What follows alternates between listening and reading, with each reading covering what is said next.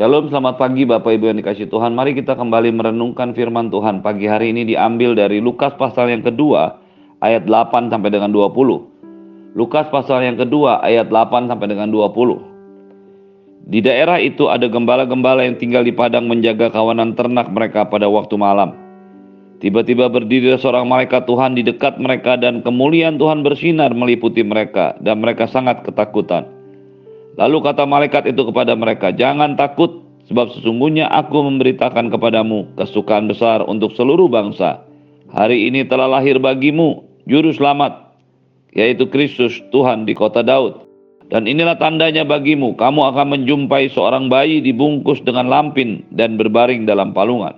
Dan tiba-tiba tampaklah bersama-sama dengan malaikat itu sejumlah besar bala tentara surga yang memuji Allah katanya, Kemuliaan bagi Allah di tempat yang maha tinggi dan damai sejahtera di bumi di antara manusia yang berkenan kepadanya.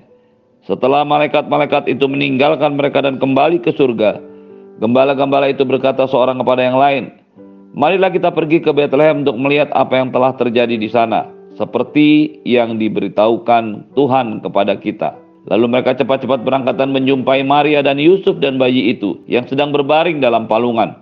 Dan ketika mereka melihatnya, mereka memberitahukan apa yang telah dikatakan kepada mereka tentang anak itu. Dan semua orang yang mendengarnya heran tentang apa yang dikatakan gembala-gembala itu kepada mereka. Tetapi Maria menyimpan segala perkara itu dalam hatinya dan merenungkannya.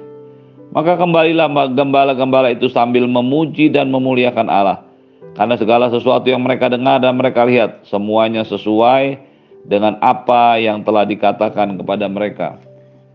Bapak Ibu yang dikasih Tuhan, kita sudah sampai kepada satu berita firman Tuhan tentang kelahiran Tuhan Yesus.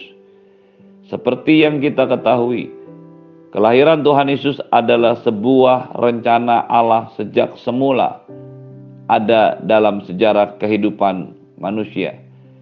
Ketika Adam dan istrinya masih berada di Taman Eden, tetapi kemudian melakukan kesalahan, Tuhan sudah memberikan kepada mereka sebuah janji keselamatan melalui kelahiran Tuhan Yesus. Kelahiran Tuhan Yesus dan kedatangannya ke dunia sebagai manusia menunjukkan bahwa Allah telah dengan sangat detail mengatur sejarah manusia. Allah telah membuat sebuah kerangka ilahi, kerangka yang rohani, tentang tindakan-tindakan yang akan dilakukan Tuhan, perencanaan Tuhan atas hidup manusia. Dengan detail semuanya telah dikatakan, semuanya sudah dipersiapkan. Bahkan jauh sebelum kelahiran Yesus sebagai manusia ini ada. Para nabi telah bernubuat tentang kedatangan dan kelahiran Yesus. Bukan hanya tentang kedatangannya, tetapi juga tentang tempatnya, lokasinya, Bukan hanya lokasi kotanya, tetapi dengan jelas disebutkan lokasi dari tempat di mana peristiwa yang tadi kita baca dan dengar firman Tuhan katakan. Di daerah itu ada gembala-gembala yang tinggal di padang menjaga kawanan ternak mereka pada waktu malam. Daerah ini menurut tulisan rabbinik itu disebut sebagai sebuah daerah yang bernama Migdal Eder. Migdal Eder dalam bahasa Ibrani artinya menara kawanan domba. Sebuah tempat yang terletak kira-kira sekitar 300 meter dari Bethlehem. Sekitar 1000 kaki berarti sekitar 300 meter atau sekitar 3000 meter dari kota Bethlehem. Inilah tempat di mana peristiwa atau para gembala itu menerima berita kelahiran Tuhan Yesus. Migdal Eder dituliskan di dalam kitab Mika pasal yang keempat. Dan engkau hai menara kawanan domba, hai bukit putri Sion. Kepadamu akan datang dan yang akan kembali memerintah. Akan kembali pemerintahan yang dahulu, kerajaan atas putri Yerusalem jadi jauh sebelum kelahiran Tuhan Yesus telah diberitakan kepada para nabi untuk disampaikan kepada umat orang-orang Yahudi, orang-orang Israel bahwa di Migdal Eder nanti di menara kawanan domba akan datang dan akan kembali pemerintahan yang dahulu, kerajaan atas putri Yerusalem. Secara kesaksian rabbinik dikatakan bahwa Migdal Eder ini adalah tempat di mana para gembala menggembalakan domba-dombanya yang nantinya akan diserahkan atau dikorbankan di bait suci. Kita tahu bahwa di dalam ibadah Yahudi, ibadah Taurat Perjanjian Lama diperlukan banyak sekali korban-korban dan karena korban-korban yang dibutuhkan harus memenuhi persyaratan fisik yang sangat ketat, maka para rabi memisahkan domba-domba yang memang sudah memenuhi syarat dan mengembalakannya secara khusus di satu tempat yang bernama Migdal Eder. Daerah ternak yang ada di sana adalah sebuah daerah khusus di mana ternak-ternak domba-domba itu memiliki kandang atau tempat tertentu. Tidak seperti domba-domba atau ternak liar atau ternak-ternak yang memang sengaja diliarkan di alam bebas di tempat ini gembala-gembala memang secara khusus diperintahkan atau punya tugas untuk memelihara ternak mereka dalam kandang. Dan lokasi ini adalah lokasi yang tertutup. Kalau Anda dan saya melihatnya di Israel saat ini, di sini tempat dibangun sebuah gereja yang disebut dengan gereja padang gembala jadi sekali lagi ini memberikan sebuah pengertian bahwa ternak-ternak ini memang secara khusus dipelihara dan dijaga pada waktu malam dan para gembala yang menjaganya juga memiliki tempat yang khusus untuk menjaga mereka karena ini adalah sebuah pekerjaan rutin bukan seperti menggembalakan ternak-ternak yang lebih bebas sifatnya yang dilepaskan sepanjang hari di luar dan tanpa kandang. Ketika kita memahami ini, maka kita akan bisa mengerti mengapa setiap orang Kristen merayakan Natal pada tanggal 25 Desember. Sesuatu yang menurut pemikiran orang-orang yang tidak mengerti catatan-catatan sejarah tradisi itu tidak mungkin. Tetapi beberapa catatan sejarah penelitian arkeologi menemukan para bapak-bapak gereja menemukan sebuah catatan bahwa sejak abad pertama Natal itu memang dirayakan pada tanggal 25 Desember yang memungkinkan terjadinya peristiwa itu bahkan pada musim dingin sekalipun karena memang menara kawanan domba adalah sebuah tempat yang secara khusus disiapkan untuk mengembalakan domba-domba. Berikutnya, ketika para gembala itu sedang duduk, tiba-tiba seorang malaikat Tuhan berdiri di dekat mereka dan kemuliaan Tuhan meliputi mereka dan mereka sangat ketakutan. Ketika kemanusiaan, kedagingan ini bertemu dengan keilahian dalam diri malaikat, maka pastilah timbul ketakutan, kegentaran. Bahkan tidak jarang akhirnya beberapa orang menjadi tidak tahan dan rebah jatuh ke tanah. Ini adalah sebuah peristiwa yang pasti bisa terjadi ketika kedagingan kemanusiaan kita bertemu dengan keilahian, kerohanian daripada pribadi-pribadi surgawi seperti malaikat apalagi Tuhan. Mereka sangat ketakutan, itu sebabnya para malaikat berkata jangan takut sebab sesungguhnya aku memberitakan kepadamu kesukaan besar untuk seluruh bangsa. Hari ini telah lahir bagimu juru selamat yaitu Kristus Tuhan di kota Daud. Kata pertama yang dikatakan jangan takut karena memang mereka takut. Tetapi berita selanjutnya merupakan berita yang sangat luar biasa. Berita yang sangat menggemparkan, berita yang sangat membuat orang bisa bersuka cita. Hari ini telah lahir bagimu juru selamat yaitu Kristus Tuhan di kota Daud.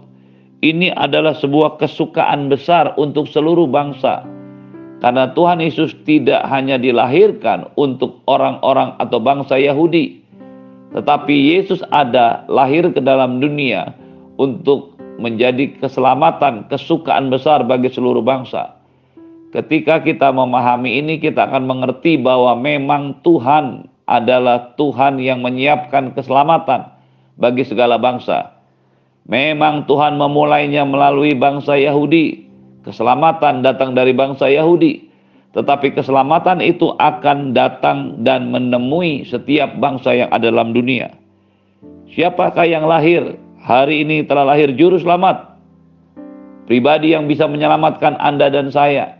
Pribadi yang bisa mengembalikan Anda dan saya kepada keilahian rencana Tuhan yang semula.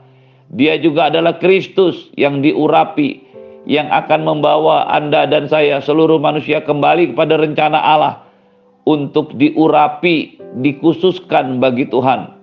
Dan dia juga adalah Tuhan kurios yang artinya penguasa. Kedatangan Tuhan Yesus membawa berita keselamatan karena dia adalah juru selamat. Membawa berita kembalinya Anda dan saya kepada pemilik sejati hidup Allah, hidup manusia yaitu Allah Dialah pemilik hidup sejati Allah, dialah yang mengurapi Anda. Dan kata mengurapi ini juga berarti dikhususkan. Hidup Anda dan saya memang seharusnya dikhususkan bagi Tuhan. Dan dia juga adalah Tuhan, penguasa dalam hidup kita. Ketika manusia hidup di dunia ini, mereka tidak pernah akan bisa hidup sebelum Tuhan mengembuskan nafas hidup, yaitu roh Allah dalam dirinya. Ketika Yesus lahir, dia mengembalikan ketuhanan yang hilang dalam diri manusia. Tentu saja kita bukanlah Tuhan seperti Tuhan Yesus. Tetapi ketika Yesus mati, ketika Yesus hidup, dia menunjukkan bahwa dalam kehidupannya ada keilahian, ada roh kudus. Itulah yang juga kembali akan ada dalam diri Anda dan saya. Untuk membawa kita bukan hanya menerima keselamatan, bukan hanya bergaul kembali kepada rencana Allah, tetapi juga untuk hidup kita dipimpin oleh Tuhan kembali. Inilah tandanya bagimu, kamu akan menjumpai seorang bayi dibungkus dengan lampin dan berbaring dalam palungan. Ketika itu terjadi, bala tentara surga menyertai malaikat ini.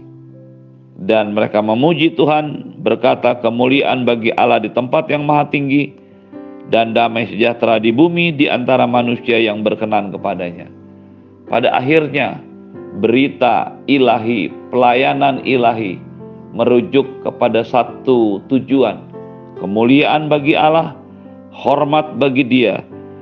Manusia berkenan kembali kepada Allah. Manusia kembali dikenan oleh Allah. Tetapi semuanya adalah kemuliaan bagi Allah. Damai sejahtera di bumi bagi manusia.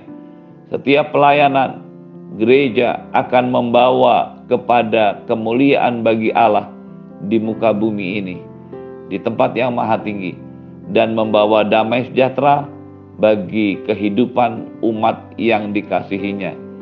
Ketika pelayanan tidak membawa kemuliaan kepada Allah, maka pelayanan itu sudah tidak seperti yang Tuhan rencanakan. Ketika pelayanan atau tindakan atau kegiatan rohani kita tidak membawa damai sejahtera bagi manusia, yang hidup berkenan kepadanya, maka semuanya itu bukanlah seperti yang Tuhan inginkan dan rencanakan. Setelah malaikat itu pergi, para gembala berkata, "Marilah kita pergi ke Bethlehem untuk melihat apa yang terjadi di sana."